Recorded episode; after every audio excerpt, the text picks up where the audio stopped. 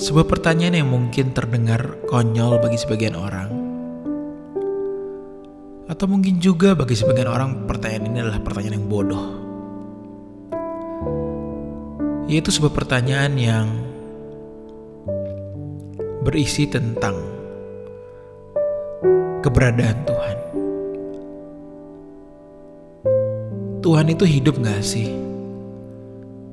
Tuhan itu nyata gak? Is he real? Kalau emang Tuhan itu hidup, kenapa aku nggak mengalami dia? Kalau Tuhan itu hidup, kenapa aku nggak pernah melihat? Kalau Tuhan itu hidup, kenapa aku nggak pernah mendengar suara Tuhan? Ini adalah sebuah pertanyaan yang mungkin pernah keluar dari mulut banyak orang. Dan mungkin kita pribadi pernah ditanyakan orang lain mengenai hal ini. Ya, biasanya jawabannya adalah Yes, Tuhan itu nyata. Tuhan itu hidup. Dia telah bangkit di hari ketiga. Dia bangkit dari antara orang mati dan dia bersama dengan Bapa di surga. Tetapi bagi saya pribadi, ini adalah sebuah pertanyaan yang seharusnya kita pertimbangkan. Sebuah pertanyaan yang harusnya kita renungkan. Kalau memang Tuhan itu hidup, kalau memang Tuhan itu nyata,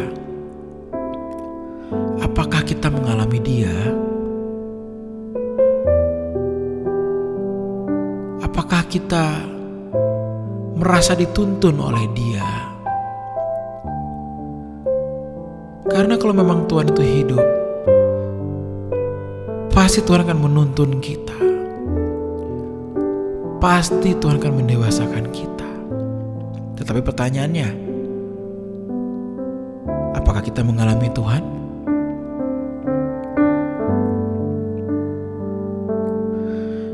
Tuhan hidup di dalam pikiran atau nalar. Berbeda dengan Tuhan yang hidup di dalam hati kita, di dalam hidup kita, atau di dalam langkah kita setiap hari. Tuhan bukanlah sebuah ilmu yang bisa dijelaskan dengan definisi-definisi. Tuhan bukanlah seperti biologi atau matematika yang bisa dipelajari. Tetapi di atas itu semua, Tuhan adalah pribadi yang harus dihidupi.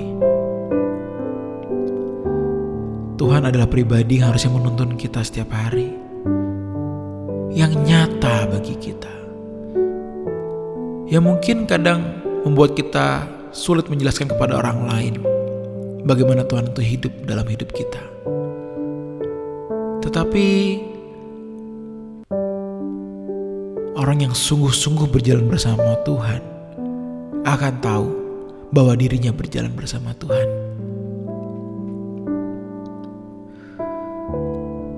Di dalam Galatia 2 ayat yang ke-20 dikatakan, Namun aku hidup tetapi bukan lagi aku sendiri yang hidup, melainkan Kristus yang hidup di dalam aku. Dan hidupku yang kuhidupi sekarang di dalam daging adalah hidup oleh iman dalam anak Allah yang telah mengasihi aku dan menyerahkan dirinya untuk aku. Satu-satunya cara agar Tuhan mau hidup dalam diri kita adalah ketika kita mulai mematikan dan membiarkan Tuhan yang berkuasa atas hidup kita mengontrol setiap gerak hidup kita. Sehingga seperti apa yang dikatakan di ayat tadi tetapi bukan lagi aku sendiri yang hidup melainkan Kristus yang hidup di dalam aku.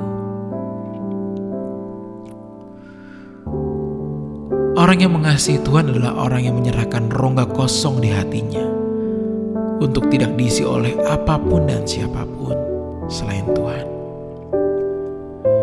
Hidupnya hanya diprioritaskan untuk melakukan kesenangan Bapa.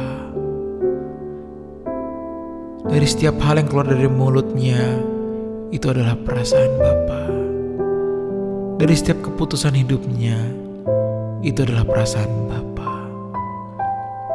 dari setiap langkah hidupnya itu adalah langkah Bapa.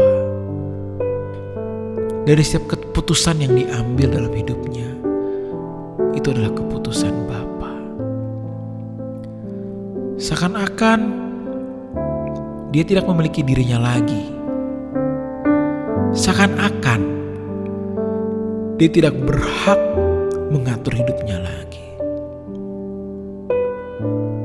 Mungkin bagi sebagian orang hal ini konyol. Dan mungkin mereka bisa bertanya, terus ngapain saya hidup? Terus saya hidup kayak gimana kalau kayak gitu? Bagaimana masa depan saya? Saya kan punya keluarga, saya kan punya bisnis, dan lain sebagainya. Orang yang mengasihi Tuhan akan menyelesaikan tanggung jawabnya dengan benar. Dia tidak akan menjadi batu sandungan bagi orang lain. Dia akan menjadi berkat bagi banyak orang.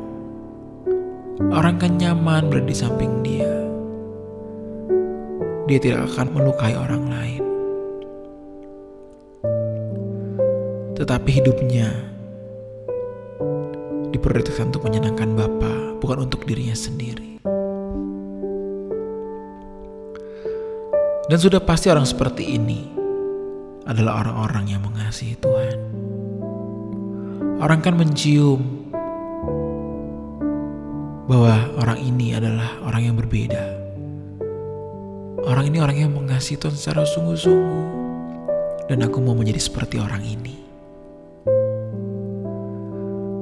Dan harusnya kita hidup seperti itu guys. Harusnya tidak ada option lain dalam diri kita selain benar-benar kita menghidupi Tuhan. Mungkin ada yang bertanya lagi, kalau gitu happynya happynya saya ngapain? Kalau gitu, gue masih ngapain dalam hidup gue dong? Ya, kesenangan kita adalah ketika Tuhan senang. Kita happy kalau Tuhan happy. Dan kita sedih kalau Tuhan sedih. Karena itu, orang yang mengasihi Tuhan akan memikirkan perasaan Tuhan. Karena dia tahu Tuhan itu hidup. Dan Tuhan memiliki perasaan yang juga harus dijaga. Dan karena itu, dia akan terus mengusahakan hidupnya untuk tetap benar. Karena dia begitu menjaga perasaan Tuhan. Jadi buat teman-teman semua, Yuk kita hidupi Tuhan yuk. Percayalah, kalian gak akan nyesal menghidupi Tuhan. Dan kalau ada yang bertanya, gimana caranya pen buatku menghidupi Tuhan? Jawaban gue cuma satu. Minta Tuhan